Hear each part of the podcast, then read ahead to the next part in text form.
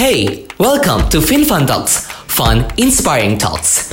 Be prepared because we are going to start in 3, 2, 1. Halo semuanya, kembali lagi bersama kami di FinFun Talks, Fun Inspiring Talks edisi ketiga. Nah, kenalin, nama gue Brian, dan hari ini gue bakal ditemenin nih sama teman spanit gue, yaitu, coba kenalin diri dulu dong. Oke, halo, nama gue Karin, tapi bukan Au Karin ya. Oke deh, Au. Nah, sebelum kita mulai hari ini nih, gue ada fun fact menarik nih tentang bikini bottom Indonesia.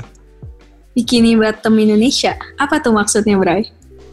Ah, ini ada fun fact cukup menarik nih. Tau gak sih kalau misalkan penyu itu apa? Indonesia itu habitat penting bagi spesies penyu di, di dunia. Ada 6 dari 7 penyu di dunia itu di Indonesia semuanya. Oh serius, gue nggak pernah tahu loh tentang itu. Cuman tuh gue masih pernah denger gitu, kayak gue pernah lihat satu video ada penyu yang hidungnya terluka gitu gara-gara kena sampah sedotan plastik. Lu pernah lihat nggak sih videonya?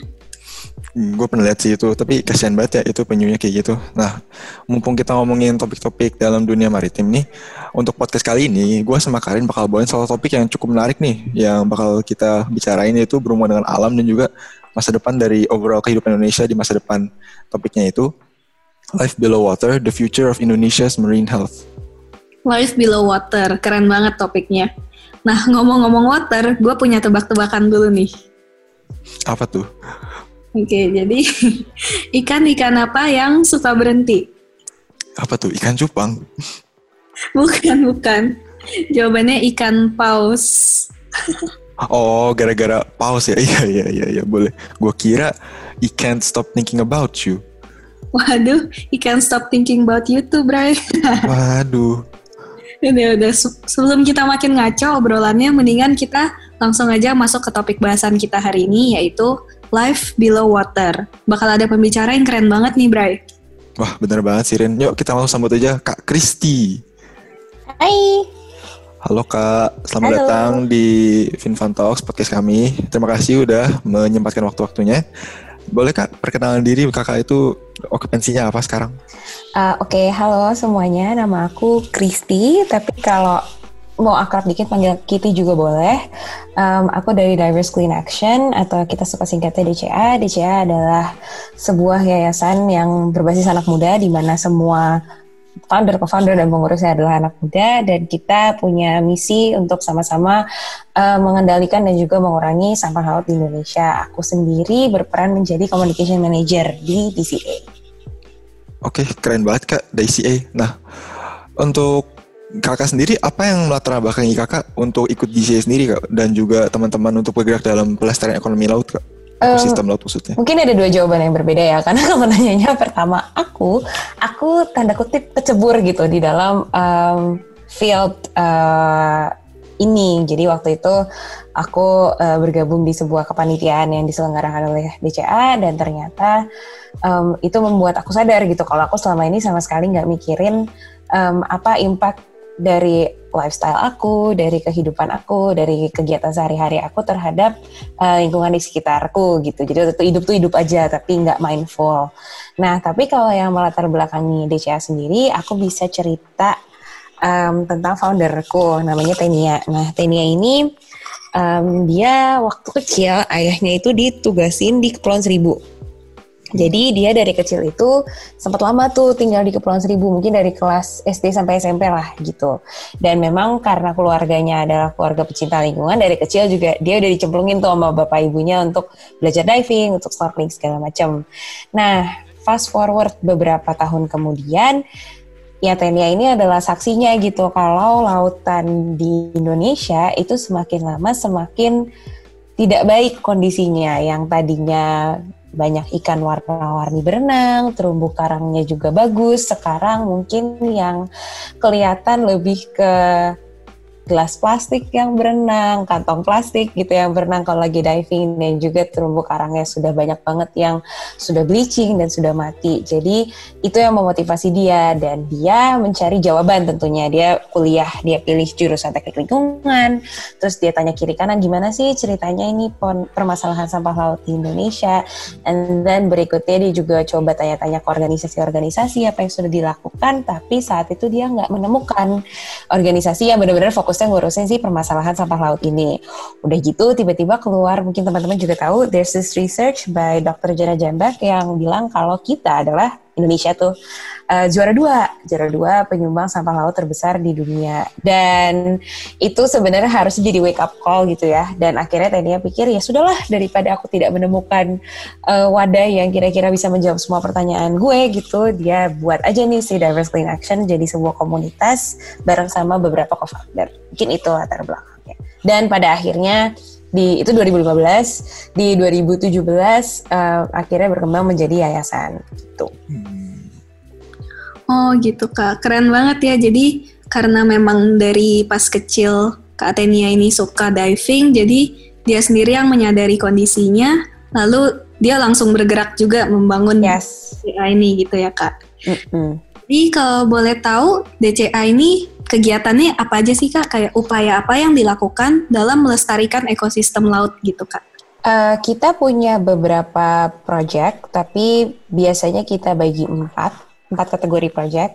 Uh, yang pertama itu kita research and clean up. Mungkin teman-teman ada yang pernah ikutan clean up nggak? Mungkin ke pantai atau underwater? Masih belum berkesempatan. Belum pernah ya? OMG, harus kapan-kapan kalau ada waktu. Yeah. um, jadi kita membagi proyek kita jadi empat. Yang pertama adalah Marine Debris Cleanup dan Research. Um, cleanup itu bagus. We really like doing cleanups, tapi when you think of it, mau kita clean up pagi, siang, sore, malam juga tidak akan pernah menyelesaikan permasalahan uh, sampah laut gitu ya. Karena sampah laut akan ada terus ada gitu ya. Tapi uh, satu hal yang bisa kita dapatkan dari cleanup adalah kalau kita menggunakan data cleanup itu menjadi data riset. Jadi kita uh, punya metode yang kita kembangkan bareng sama teman-teman dari LIPI, dari Kelautan Unpad, dari Oceanografi ITB, dari Teknik Lingkungan juga. Uh, kita membuat sebuah guideline kalau cleanup itu ngapain. Jadi cleanup itu kita nggak cuman, yay 100 kilo selesai gitu.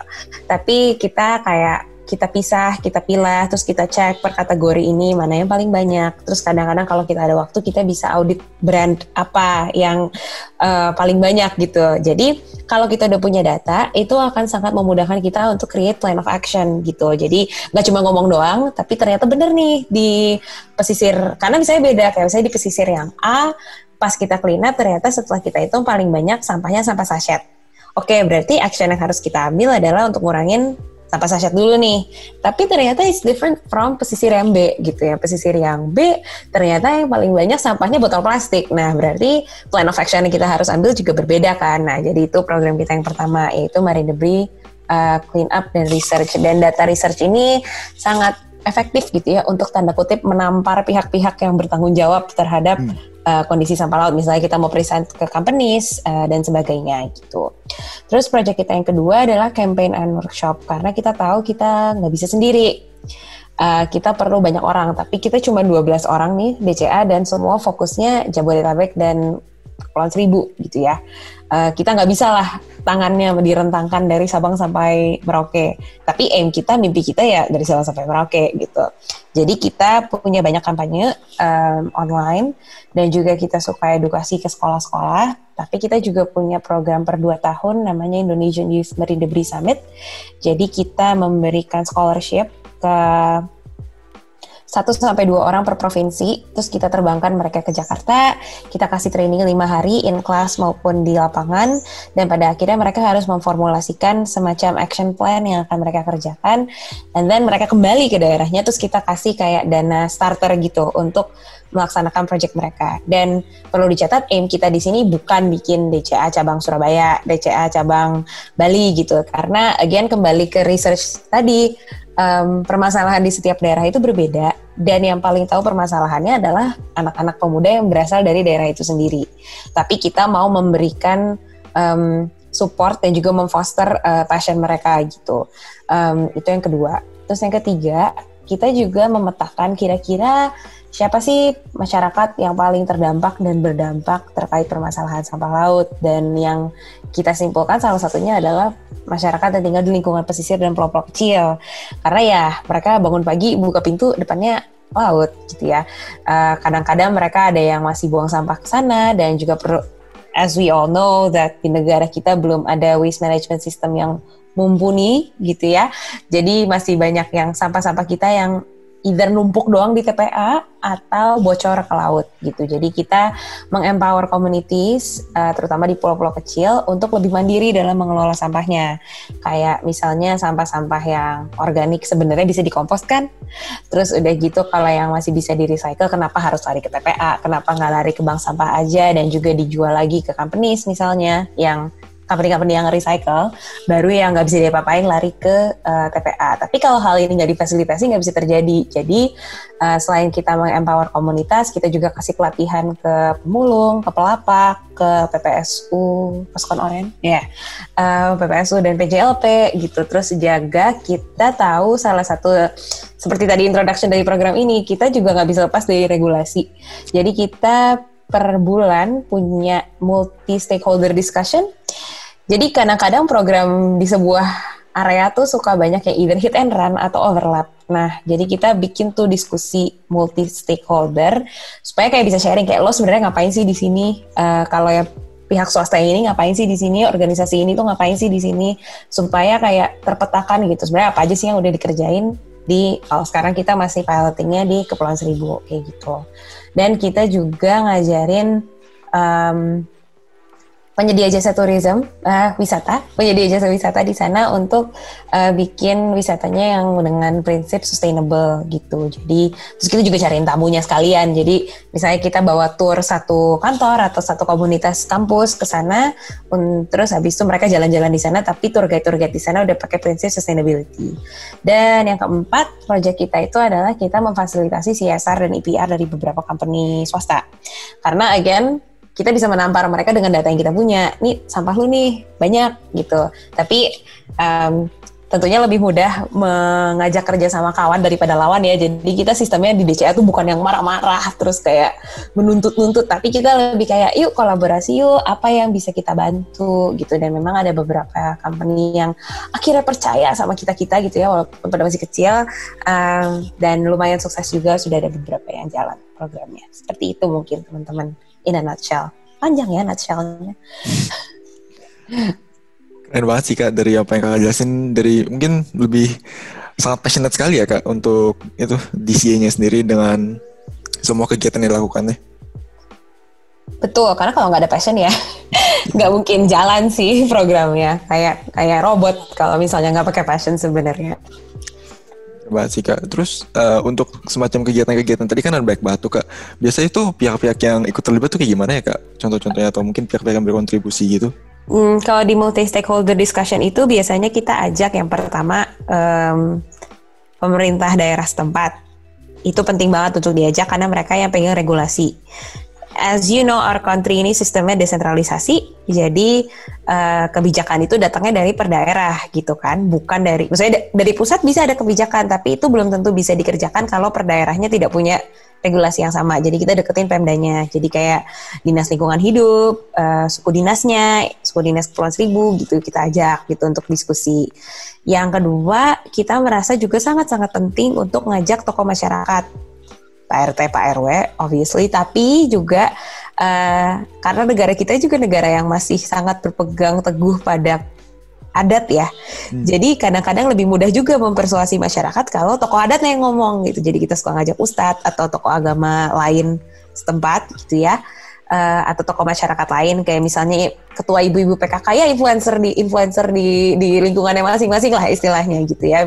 Um, ya kayak kalau di film tilik ya kita suka ajak juga semacam butejonya gitu karena dia yang bisa mempersuasi teman-temannya gitu. Nah terus yang kedua eh yang ketiga kita juga ngajak NGO-NGO lain um, kita pengen tahu um, sama karena kadang sebenarnya aimnya biasanya sama gitu.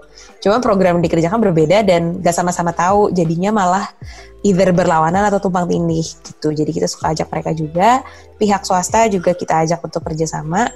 Um, siapa lagi ya? Pokoknya semua pihak yang ada di sana sih karena kita selalu percaya kalau collaboration is key. Jadi um, why not kita ajak aja semuanya gitu. Mana soal untuk brainstorming rame-rame Iya, setuju banget sih Kak. Semakin banyak yang terlibat, justru semakin baik gitu ya. Dan impactnya semakin besar juga. Tuh. Kalau begitu, dari perspektif Kak Kristi sendiri sebagai NGO gitu, yang bergerak di bidang kelautan, kondisi laut Indonesia saat ini tuh gimana sih Kak? terakhir main ke laut Karin sama Bede kapan? Udah, udah cukup lama sih kak. Eh, Maksudnya, and then when you went to the ocean, what did you do gitu? Oh, eh cuman snorkeling doang sih kak kalau saya. Di mana tuh? Di saya lupa nama pulaunya di Kepulauan Seribu tapi. Oke, di ya, Kepulauan Seribu. Iya. Eh, kamu lihatnya apa Bede waktu itu? cukup bersih sih menurut saya. Jadi masih nggak kelihatan sampah sama sekali pas saya snorkeling. Oke, biasanya memang kalau snorkeling sih diajaknya ke spot-spot yang rada-rada cakepan ya gitu. Hmm. Tapi kalau kamu ke Kepulauan Seribu, kamu bisa main ke eh, laut yang lebih deket ke Kepulauan Penduduk.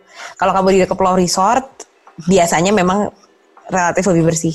Tapi kalau kamu main ke deket-deket Pulau Penduduk, itu ya ampun sedih sih sebenarnya liatnya karena kesannya kayak laut itu jadi tempat sampah gitu sekarang.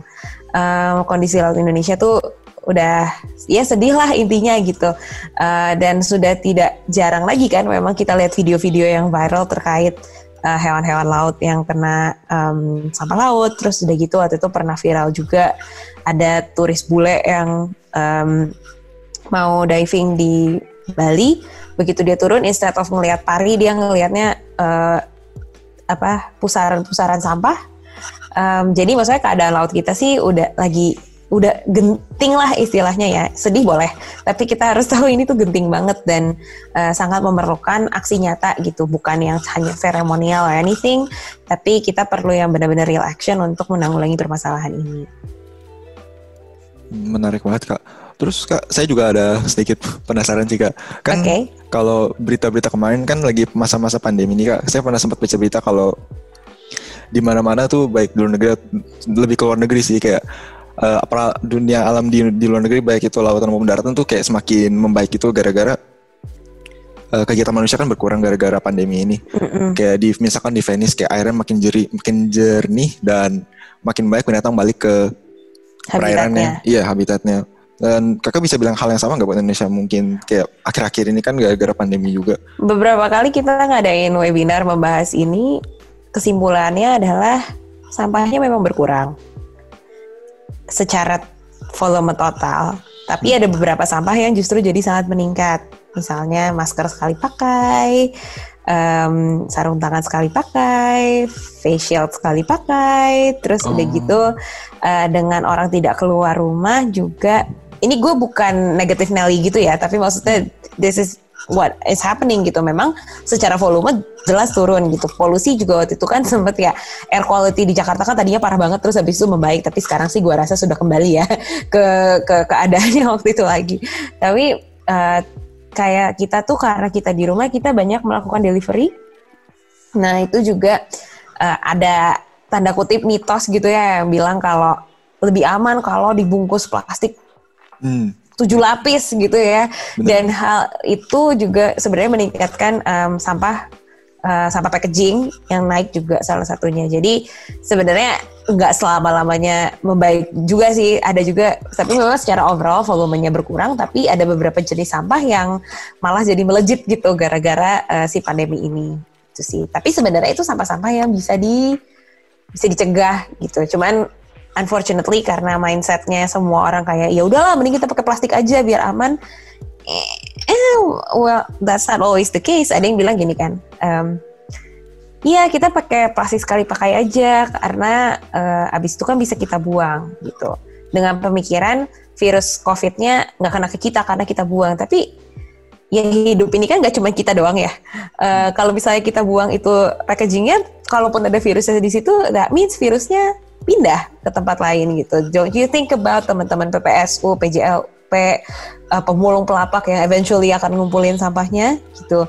Malah lebih aman sebenarnya kita pakai reusable items and then dicuci. Selesai kan permasalahannya gitu sih mungkin kalau di kalau di Indonesia kondisinya kayak gitu kalau kamu kepo kan nanti, nanti kamu cari aja researchnya tim teliti sampahnya LIPI itu mereka punya a very very comprehensive uh, research yang udah mereka publish terkait uh, permasalahan ini Jadi emang gara-gara pandemi pandemi ini tapi bisa dilihat eh, efeknya tapi malah yang buruk malah outweigh dari positifnya kayak gitu ya kira-kira. Eh, I wouldn't really say that, tapi eh, kita lebih realistis aja sih kayak um, yes ada positifnya tapi yes ada negatifnya tapi uh, bukan berarti kita kayak ah, negatif nih stres gitu tapi kayak oke okay, kita udah bisa memetakan dan determine problemnya apa berarti kita bisa mengambil aksi nih terkait ini gitu sih jadi lebih kayak realistis aja sih sebenarnya tapi tetap optimis hmm oke okay, oke okay. Untuk kemudian kak, saya ada sempat lihat juga website dari DC sendiri kak. Uh-huh. Kan saya juga melihat kalau misalkan ada mutual goal ya kak, yaitu untuk meningkatkan kontribusi generasi muda dalam melawan polusi di laut ya kak ya. Uh-uh. Kan kayak kalau misalkan dari mungkin dari dari pribadi saya sendiri ya, kayak banyak dari generasi muda itu nggak tertarik gitu kak kayak dalam hal begini atau mungkin saya kurang luas wawasan saya tapi dari DC sendiri tuh kayak strateginya untuk mengajak generasi muda sendiri tuh gimana ya kayak biar mereka jadi hmm. tertarik gitu? Kalau yang pertama tentunya kita start grassroots. Jadi kita mencari uh, yang tadi kita aku udah jelasin yang Youth Marine Debris Summit itu. Uh, hmm. Jadi kita cari pemuda yang benar-benar punya passion. Jadi um, ada yang namanya education curve. Um, jadi orang-orang yang uh, di kurva spektrum sebelah kiri itu orang-orang yang namanya innovator dan juga early adopter uh, ini adalah orang-orang yang kalau mereka tahu terkait informasi yang benar, mereka bisa langsung gitu melakukannya. Tapi memang ada orang-orang yang di spektrum sebelah kanan yang baru mau ngerjain sesuatu tuh kalau ada paksaan kayak misalnya ada hukum atau memang mereka sudah merasakan efek jerahnya gitu. Um, kita sih tidak pernah lelah-lelah, nggak pernah lelah gitu ya mengedukasi karena kita menargetkan si orang-orang yang di kurva sebelah kiri ini yang actually innovators dan juga early adopters dan cara kita menemukannya adalah tentunya yang pertama tadi melalui si Indonesian Disability Summit kita cari karena itu juga seleksinya it's a very very grueling process jadi kita benar-benar nyari mereka-mereka yang uh, punya pengaruh di lingkungannya masing-masing, terus punya project yang uh, goalnya bagus dan memang punya passion di bidang ini dan yang uh, mudah-mudahan kita bisa pegang gitu komitmennya dalam menjalankan projectnya. Terus uh, mungkin yang kedua uh, kita juga sering posting info-info yang menarik di media sosial uh, dengan aim menjadikan being environmentally friendly is the new cool gitu ya istilahnya. Jadi karena memang ya gue juga masih muda kok walaupun tua dikit dari kalian. Tapi I, I get it. Uh, anak muda tuh seneng kalau dia fit in dengan arus yang terjadi di sekitarnya gitu ya. Jadi gimana nih ceritanya kita create environment yang menganggap kalau menjadi seseorang yang ramah lingkungan tuh sebenarnya cool gitu. Jadi um, ya nggak berarti kita ramah lingkungan tuh kita langsung dicap entah I don't know SJW atau dicap hmm. sosokan gitu ya. Tapi um, gimana caranya kita create environment yang uh, ya yang nggak pakai plastik sekali pakai ya emang emang ini normalnya gitu loh. Memang normalnya tuh begini kayak zaman dulu juga orang tua kita pakai popok yang dicuci gitu. Baru sekarang sekarang aja nih pada pakai popok sekali pakai misalnya gitu ya contohnya. Jadi um, kita bisa kembalikan uh, ya tanda kutip meminjam istilah new normal. Um, gimana ceritanya menggunakan plastik yang eh nggak menggunakan plastik sekali pakai itu sesuatu yang uh, ya biasa aja gitu. Emang itu yang bisa kita lakukan untuk hidup sehari-hari dan tidak susah sebenarnya. Dan sim sebenarnya simpel banget gitu untuk mengganti lifestyle kita dari diri kita sendiri. Mungkin itu sih yang kita coba untuk sampaikan ke anak-anak muda ya aku setuju sih kak. Kalau untuk anak muda mau ikut melestarikan lingkungan itu pastinya kayak ada harus panggilan dari diri sendiri juga gitu ya kak. Nggak bisa yeah. nah kayak tapi aku kayak bingung gitu kak. Misalkan tadi kan kakak juga udah sebutin dikit kalau misalnya uh, cara paling mudah buat kurangin sampah plastik itu kita pakai barang-barang yang reusable gitu. Uh-huh. cuman kalau misalkan di rumahan gitu kak kan kita pastinya kalau pesan makanan itu udah hampir 100% packagingnya itu plastik gitu kan kak. Gimana hmm. cara bingung gitu gimana cara generasi muda bisa kontribusi lawan atau ya bentar aku mikir dulu nanya gimana.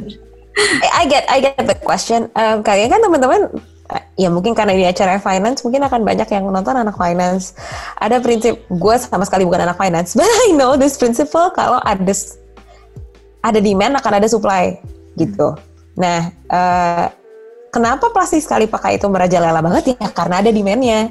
karena banyak yang mau beli, karena banyak yang pakai, banyak yang nggak berpikir untuk menolak gitu.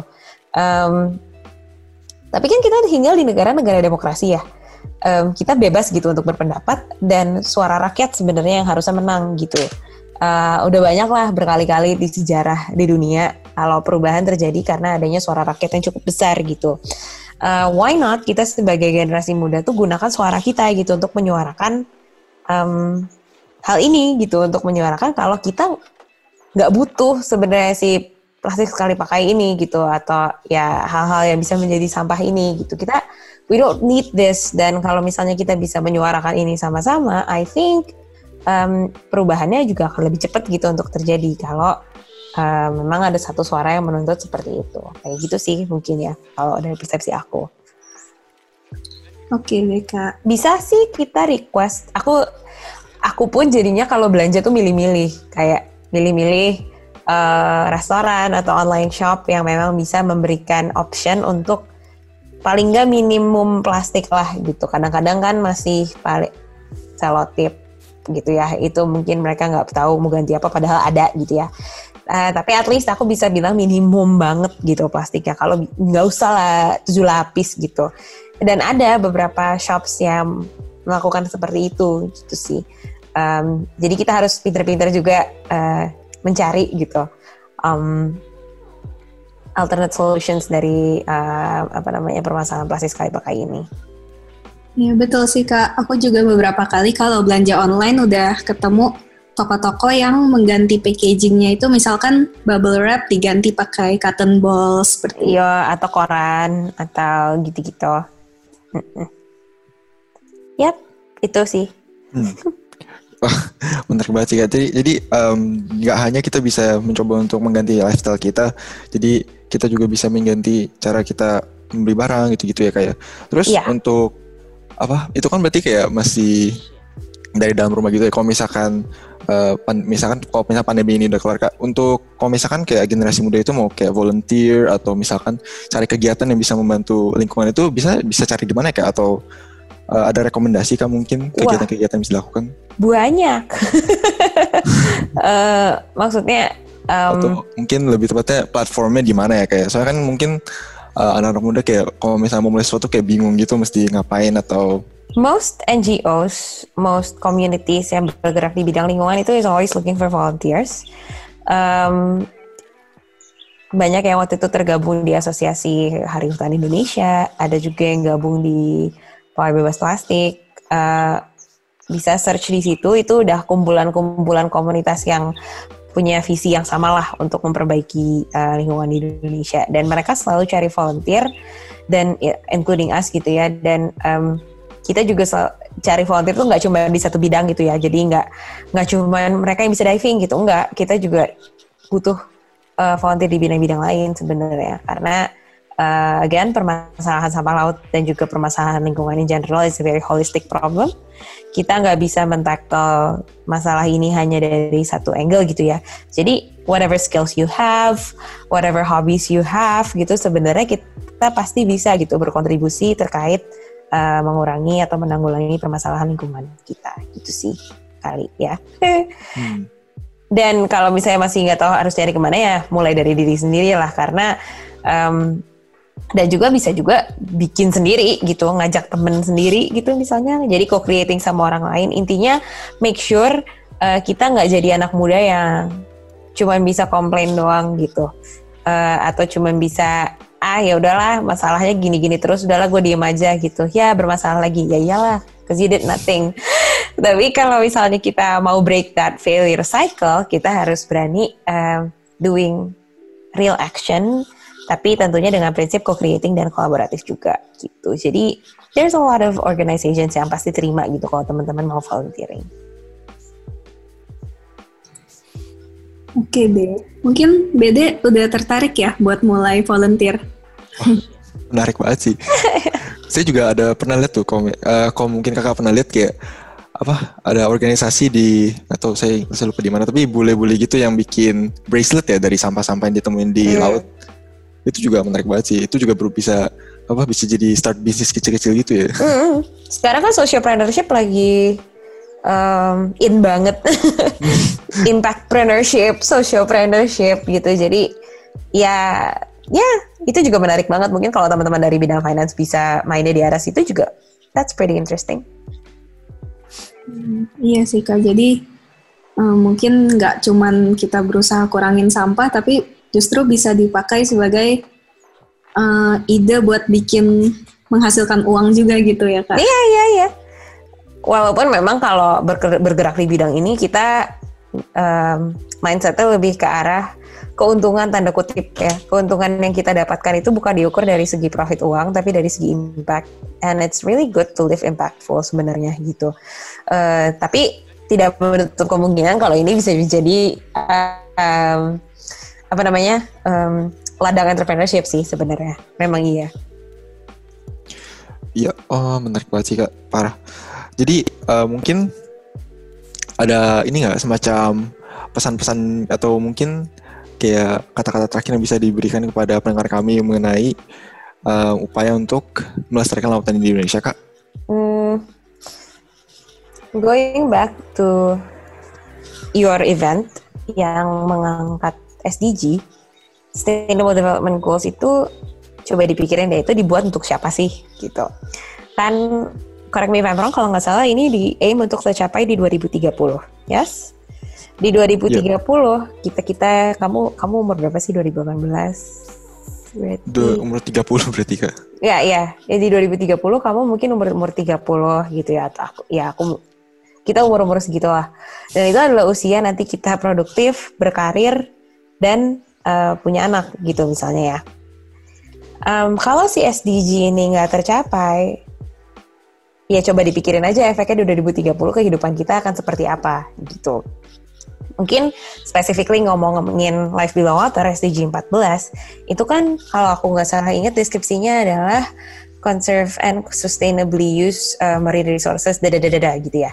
Tapi hmm. kalau misalnya teman-teman googling gitu ya keadaan laut kita, kalau kita tidak membuat perubahan dalam lifestyle dan juga kebiasaan kita nyampah, apaan yang mau dikonserv dan apaan yang mau disustain gitu. Yang ada di per 2030 udah rusak semua gitu. So um, kita butuh banget uh, aksi dari sekarang untuk memastikan to secure our future gitu sebenarnya. Kalau kalau lu nggak mau mikirin orang lain atau lu lu males lah mikirin lingkungannya lu pikirin diri lu sendiri aja gitu sebenarnya. Kayak um, what future do you want for yourself gitu di 2030 ini seandainya si SDG um, yang kita formulasikan dari sekarang itu tidak tercapai. There's this prediction kalau misalnya di 2050 akan lebih banyak plastik daripada ikan gitu di laut, terus makan apa?